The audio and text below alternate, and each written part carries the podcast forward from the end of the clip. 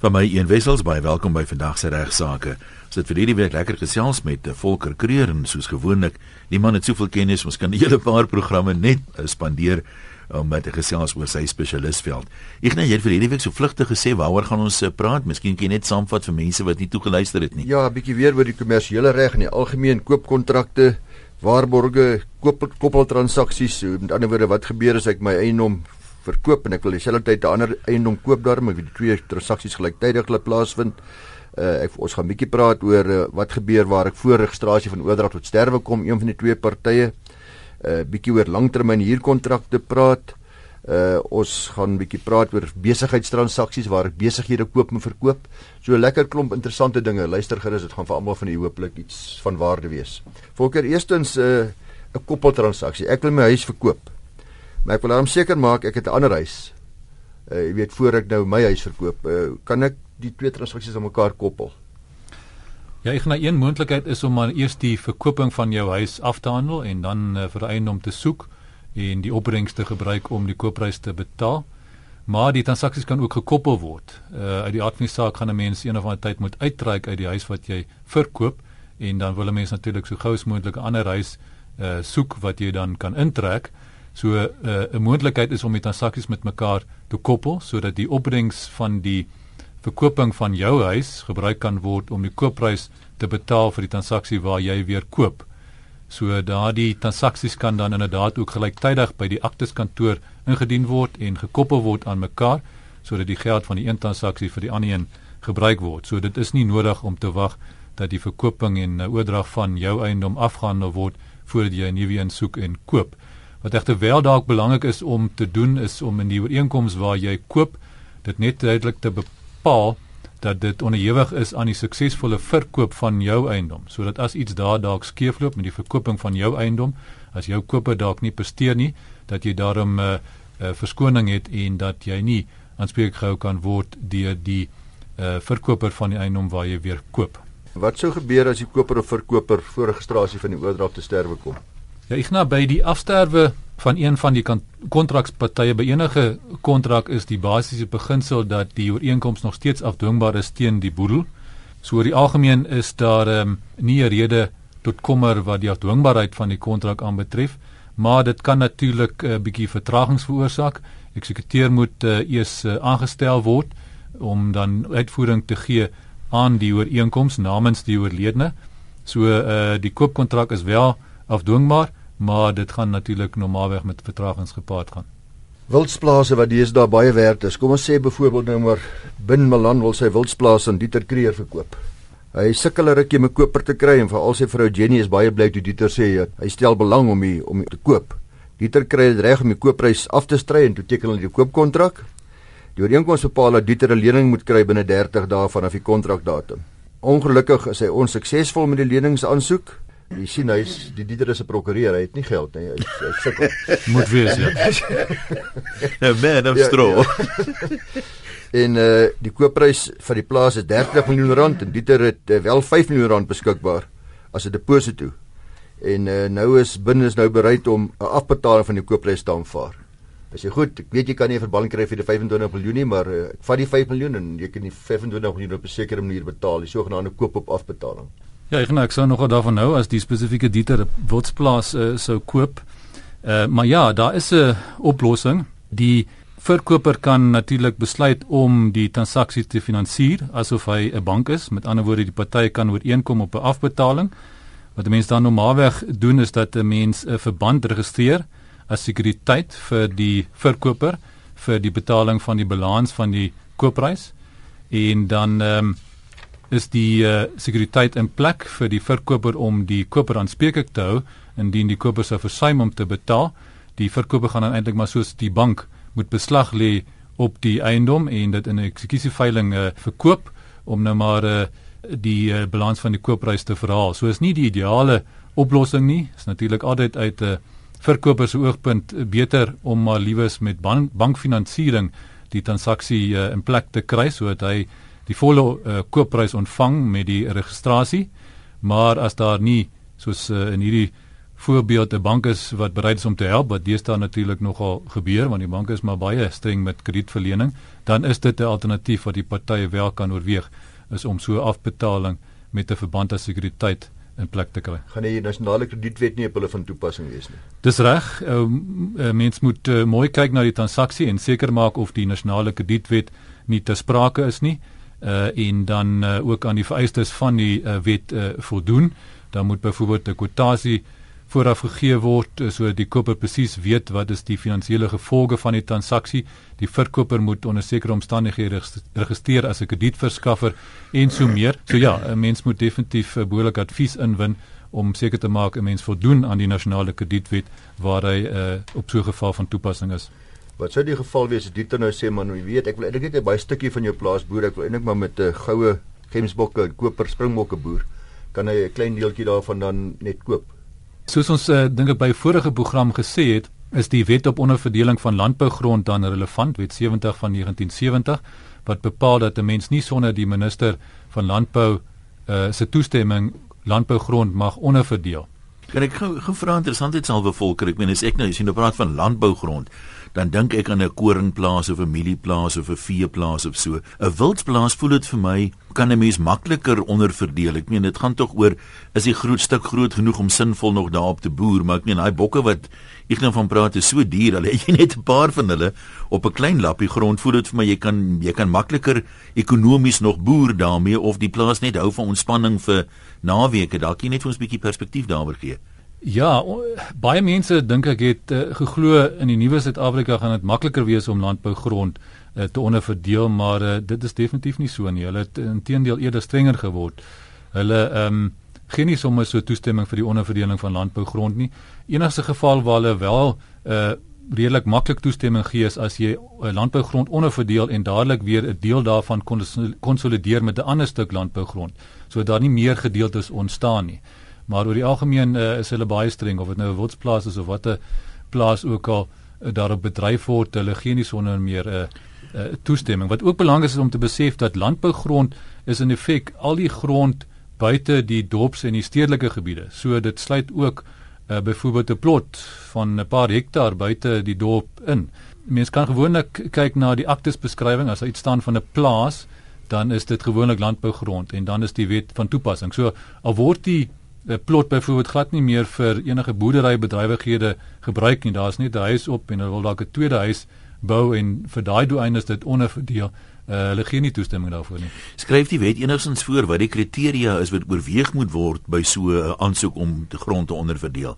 Waarna kyk die minister? Ja, soos jy nou nou gesê het, die basiese idee van die wet is om nou maar te sorg dat die landbougrond in Suid-Afrika nie uh, in onekonomiese eenhede uh, opgesny word om te sorg dat uh, landbou nog 'n ordentlike bestaan kan kan voer. So dit is maar die basiese riglyn wat deur die wet uh, gegee word en wat dan ook die relevante departement so toegepas word. Igna? Ons voorbeeld verder te vat, binne se boer en 'n boer maak 'n plan en Dieter is 'n prokureur en hy maak nog 'n slimmer plan. en hulle besluit maar kom ons tweeetjies maak 'n lekker plan en ons omseil hierdie wet en ons gaan 'n 60 jaar huurkontrak aan vir 'n stukkie grond. Dit gaan nie uh, werk nie. Die uh, wet op onderverdeling van landbougrond uh, het ook 'n bepaling waar volgens 'n langtermyn huurkontrak vir 'n deel van 'n plaas ook die toestemming van die minister verg. So uh, waar die tydperk die langtermyn beteken is langer as 10 jaar. So sodra die uh, huurkontrak vir 'n tydperk van langer as 10 jaar gesluit word, moet die vir 'n deel van uh, landbougrond uh, moet die minister se toestemming ook verkry word. So dit gaan uh, ongelukkig uh, nie werk nie net terloops terwyl ons daaroor praat, 'n uh, 10 jaar kontrak vir 'n huis byvoorbeeld. 'n Woonhuis, kan is dit moontlik 'n 11 jaar kontrak of daar sekere vereistes wat nagekom moet word? Dis wel moontlik om so 'n kontrak te sluit. Tussen die partye gaan dit geldig en afdwingbaar wees, maar sodra die kontrak weer eens langer as 10 jaar is, die tydperk is dieselfde, moet hy geregistreer word in die akteskantoor om afdwingbaar te wees teen derde partye. So as die kontrak nie geregistreer is en byvoorbeeld die verhuurder betaal nie sy rekenings nie, hy word uh, deur skuldeisers gedagvaar, hulle lê beslag op die grond, dan gaan 'n mens byvoorbeeld daardie langtermyn huurkontrak nie kan afdwing teen die eksekusie skuldeisers wat dan uh, die, op die eiendom uh, beslag lê. So sodra mense 'n huurkontrak sluit vir 'n tydperk van langer as 10 jaar, is dit belangrik om hom notarieel te laat verlei en te registreer by die akteskantoor.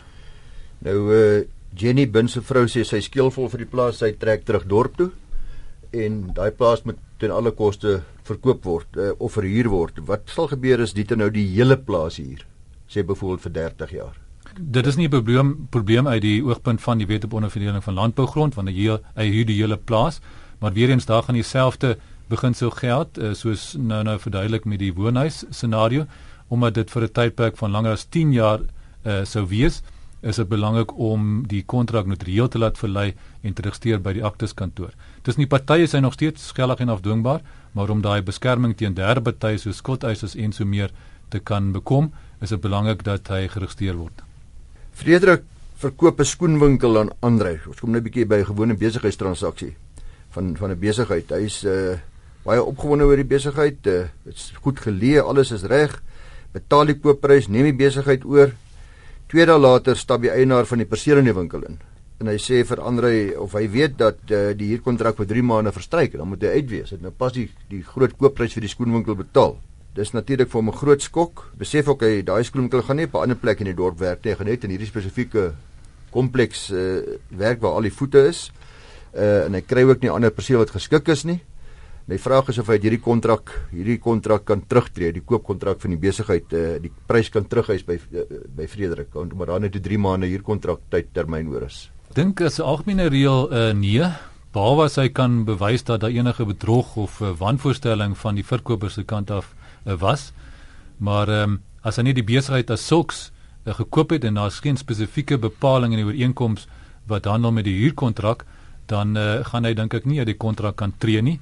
So is nogal belangrik uit 'n koper se oogpunt om seker te maak dat daar 'n klousule in so 'n koopkontrak van 'n besigheid is waar volgens 'n uh, 'n huurkontrak as 'n opskortende voorwaarde beding moet word met die uh, verhuurder van die eiendom om seker te maak dat 'n mens daarom ook die perseel gaan beskikbaar hê om verder die besigheid van daar voort te sit. Luisteraars, ek dink nie mense besef hoe belangrik dit is die advies wat jy nou gekry het nie want dit is tragies om te sien hoeveel mense 'n besigheid opbou en dan eindig die huurkontrak en dan kan hulle nie verstaan dat hulle moet uitgaan nie want hulle dring aan op nog 'n verlenging en dan sê die eienaar net doodgewoonig nee en hy gebruik natuurlik die goodwill wat opgebou is oor die tydperk en hy dan weer vir homself aanwend. So maak maar seker dat as u 'n uh, huurkontrak aangaan dat u ook kyk dan die moontlikheid om opsies in te bou om te verleng indien u uh, groot geld gaan spandeer om daardie besigheids op te bou. Ons kry nog gereeld navrae oor mense wat Ignas se boek wil bekom wat hy geskryf het. Wat sê die prokureur regsaake wat jou raak? Die boek word deur Naledi Uitgewers uitgegee saam met RSG en as jy nie by jou boekwinkel is nie, kan jy hom by hierdie nommer bestel. 083 409 6751. 083 409 6751. Ignas, jy het seker nog 'n hele paar vrae vir Volker. Ja, Volker sê byvoorbeeld ek het 'n drankwinkel. Verloofs my vrou sal dit nooit toelaat nie. Sy sê dit sal nie werk nie. Maar uh, jou seun sal seker bly wees. Ja, maar sê dan maar ek het 'n drankwinkel, uh, ek het dit gekoop en uh, ek dis in my naam die lisensie en alles is doodreg. Uh, maar ek besluit om na 'n ander perseel toe oor te skuif. Kan ek voortgaan met uh, die drankhandel in die ander perseel? Uh, ek gaan nee, die lisensie is gekoppel aan 'n persoon en aan die perseel. So die uh, perseel as sulks moet goedgekeur word deur die drankraad as 'n geskikte perseel vir 'n drankwinkel. So mens kan nie sonder meer net die uh, winkel as sulks na 'n ander perseel skuif nie. Nog iets wat in praktyk gebeur. Ek koop 'n nuwe besigheid, betaal die volle koopprys, die teenparty se bankrekening in. Op die dag van oorneem waarop ons 'n kontrak ooreengekom het, sê net maar die 1 September is ek die oggend 7uur by die winkel om die stedelers te ontvang soos ons bespreek het. Die verkoper daag egter net nie op nie. Ek bel hom op sy selfoon en kry nie antwoord nie. En uh, dan kry die koper nou maar 'n slot oopmaker om die deur oop te maak. En uh, tot sy verbasing toe die winkel instap dol leeg. Aan die ander woorde die verkoper het sy geld gevat en al die voorraad gevat en hy's weg. En hy het nie 'n briefie gelos nie. Hy het nie 'n briefie gelos nie. Eerste vraagie daaroor was ek geregtig om die uh, om die slotmaker oopmaker die slot oop te maak en die slotmaker te kry en om in te gaan in die perseel in. Ja, dis nogal interessante beginsel in ons reg wat uh, mense dikwels sukkel om te verstaan. Uh die beginsel is dat jy mag nooit die reg in eie hande neem nie. Ehm uh, as die status quo is dat jy nie besit het van die winkel en die uh, besigheid en die perseel en die sleutels nie, dan mag jy nie dit met 'n slotoopmaker oopmaak nie. Jy moet eintlik 'n uh, hofbevel kry om die deure te kan open Die beginsel is dikwels ook by huurkontrakte relevant. 'n Verhuurder van 'n eiendom mag ook nie uh, die reg in eie hande neem deur byvoorbeeld die uh, deure van die huurperseel te sluit sonder 'n hofbevel of om die krag af te sit om so die doene die huurder uit die perseel te kry. So 'n mens moet maar altyd deur die regsproses gaan en so hofbevel kry om dan byvoorbeeld die huurder uit te sit of om byvoorbeeld toegang te kry tot die besigheid wat jy gekoop het. Hoe sou eh, kom ons sê nou maar weer Andrei dit kon voorkom het? Hierdie skok wat hy kry, daar's geen sy geld is weg en sy voorraad is weg. Die beste praktiese oplossing is myns insiens maar om in die ooreenkoms te bepaal dat die koopprys in die prokureur se trustrekening inbetaal word om seker te maak dat die fondse daar veilig gehou kan word totdat die oorname suksesvol afgehandel is. Dit gee ook vir die verkoper die beskerming dat hy nie die sleutel randig aan die koper voordat hy nie weet die fondse is wel in plek sodat hy die koopprys ontvang. Die koper is ook beskerm deurdat uh, die fondse nog nie by die verkoper is voordat hy nie die sleutels oorgeneem het en uh, tot sy bevrediging uh, lewering van die besigheid ontvang het nie. So dit is uh, wat ons maar nou maar normaalweg in praktyk doen om uh, albei partye te beskerm is deur die koopprys en die trustrekening in te betaal om nou maar so 'n skok uh, en so 'n probleem te voorkom. En suksesvolle oorname sal normaalweg ook uh, insluit en behels dat die koper en verkoper 'n uh, metode beplan uh, en inkom waarop voorraad eers gereguleer sal word, sal vasgestel word. Dis reg, ja, ek nou daar's verskillende opsies wat dit aanbetref. Een opsie is om nou maar uh, die koste van die voorraad in te sluit by die koopprys en dan te bepaal dat die verkoper waarborg dat 'n sekere hoeveelheid voorraad wel in plek gaan wees met 'n sekere waarde en dan doen 'n mens natuurlik op die oorname datum 'n behoorlike voorraadopname om seker te maak dit is wel die geval voordat die verkoper nou uitbetaal word. Ander opsies om te bepaal dat die koopprys 'n sekere bedrag is en dat die koste van die voorraad dan daarbey bygevoeg word. As addisionele uh, vergoeding wat die koper dan moet betaal en dit word dan ook maar bepaal met 'n voorraadopname wat die partye dan gesamentlik op die oorname datum doen om seker te maak dat uh, daardie bedrag reg bepaal word. Goed, ek het nou die drankwinkel gekoop of kom ons sê nou maar uh, Frederik het die drankwinkel gekoop en 2 weke nadat hy by Andre die drankwinkel oorgeneem het, maak Andre 'n drankwinkel twee blokke verder af oop in kompetisie met hom. En hy al die groot kliënte wat normaalweg natuurlik by ander gekoop het, gaan ook nou weer by ander koop en Frederik staar 'n klomp verliese in die gesig. Hy gaan nie bestaan maak nie. Wat kan hy doen? Ja, as algemene reël dink ek sal so 'n koper nie die verkoper kan aanvat nie. Dus uh hoekom dit geweldig belangrik is om enige om, om in enige verkoping van 'n uh, besigheid 'n uh, handelsbeperking in te voeg wat die verkoper uh, dan verhoed om in kompetisie met die koper 'n ander of dieselfde uh, tipe besigheid uh, te open. Die uh, handelsbeperking word maar altyd aan 'n sekere area gekoppel en ook aan 'n sekere tydperk. So byvoorbeeld kan dit wees dat dit vir 'n 2 jaar tydperk uh, is wat die verkoper in die spesifieke dorp of die spesifieke uh, stad nie 'n ander besigheid mag open wat in dieselfde uh, bedryf kompetisie uh, vir die koper gaan uh, gaan daarstel nie. Dit is egter belangrik om seker te maak dat daai handelsbeperking redelik is. Daar's 'n klompie hofsaake soos jy ook Igna sal weet uh, oor hierdie onderwerp, oor handelsbeperkings waar die ehm um, billikheid daarvan aangeveg is. Ons reg bepaal dat so handelsbeperking uh, redelik en billik moet wees wat die tydperk aanbetref en wat die area aanbetref.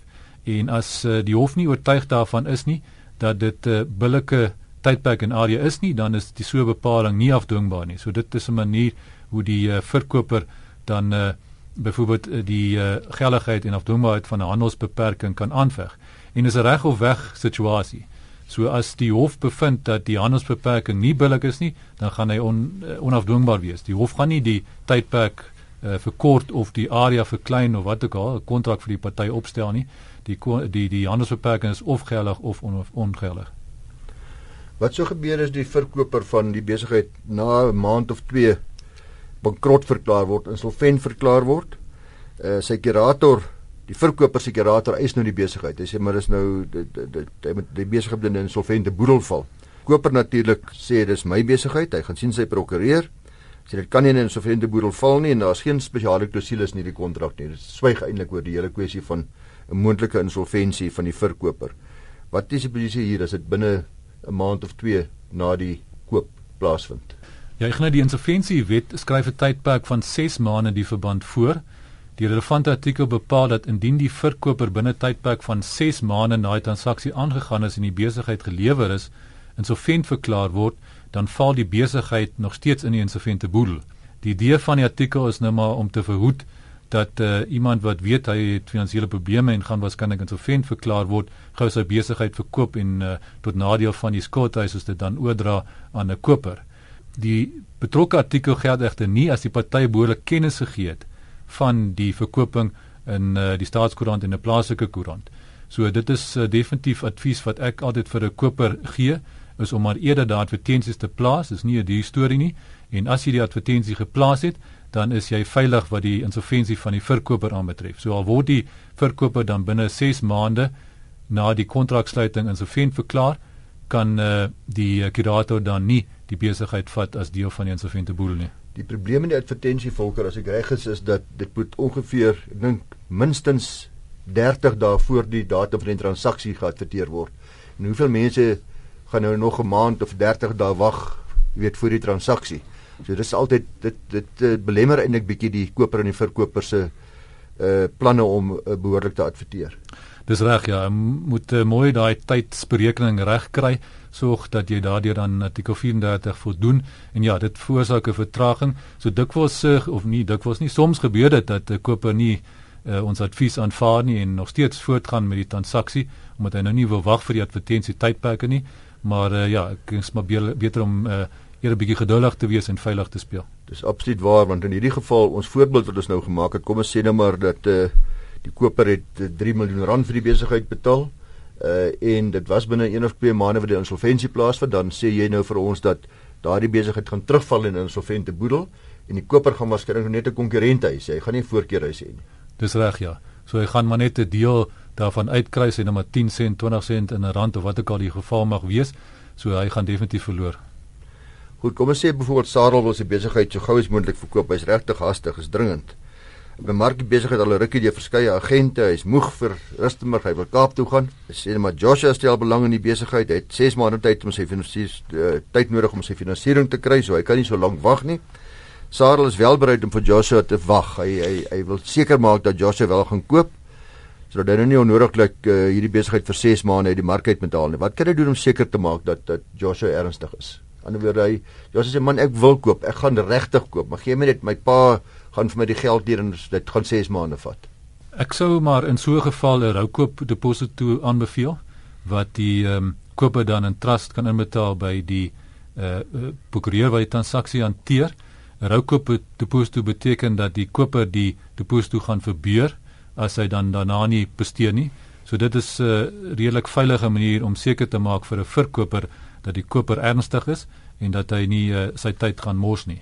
Dit is so dat as uh, die koper dan nie presteer nie en die uh, uh, roukoop bepaling tree in werking dat die koper daarom wel 'n remedie het om in gevolge die wet op strafbedinge te kan probeer bewys dat die verkoper se skade eintlik minder was as die roukoop uh, deposito dan kan hy die uh, verskil terugeis maar die bewyslas is daar op hom uh, so dit is uh, baie goeie houvas wat die verkoper uh, daarom het om seker te maak die koper uh, mors nie sy tyd nie.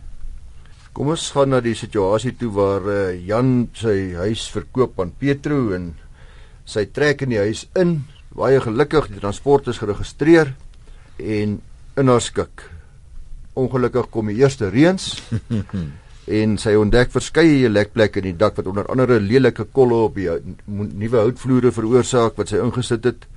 En natuurlik gaan sy nou na die prokureur toe en hulle wil skadevergoeding eis van die verkoper. Het sy 'n goeie eis? Ja, as daar voetstoots uh, klousule is in 'n koopkontrak, dan beskerm dit oor die algemeen die verkoper teen 'n eis vir verborgde gebreke. Maar ehm um, hy beskerm nie die verkoper indien die verkoper uh, geweet het van die verborgde gebrek en dit bedrieglik verswyg het.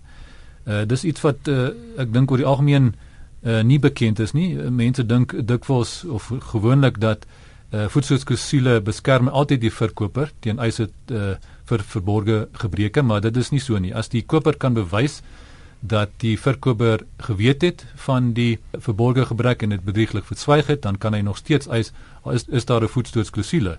En wat dit byvoorbeeld 'n daklek is en die verkoper het lank in die huis gebly, dan behoort 'n mens normaalweg nogal nie te moeilik te kan bewys dat die uh, verkoper daarvan geweet het. Is baie gawes as jy weer jouself beskikbaar stel uh, en ons hoop dat ons weer met Volker sal praat volgende week. Sal lekker wees dis vandag se regsaake aangebied deur die Prokureursorde van Suid-Afrika.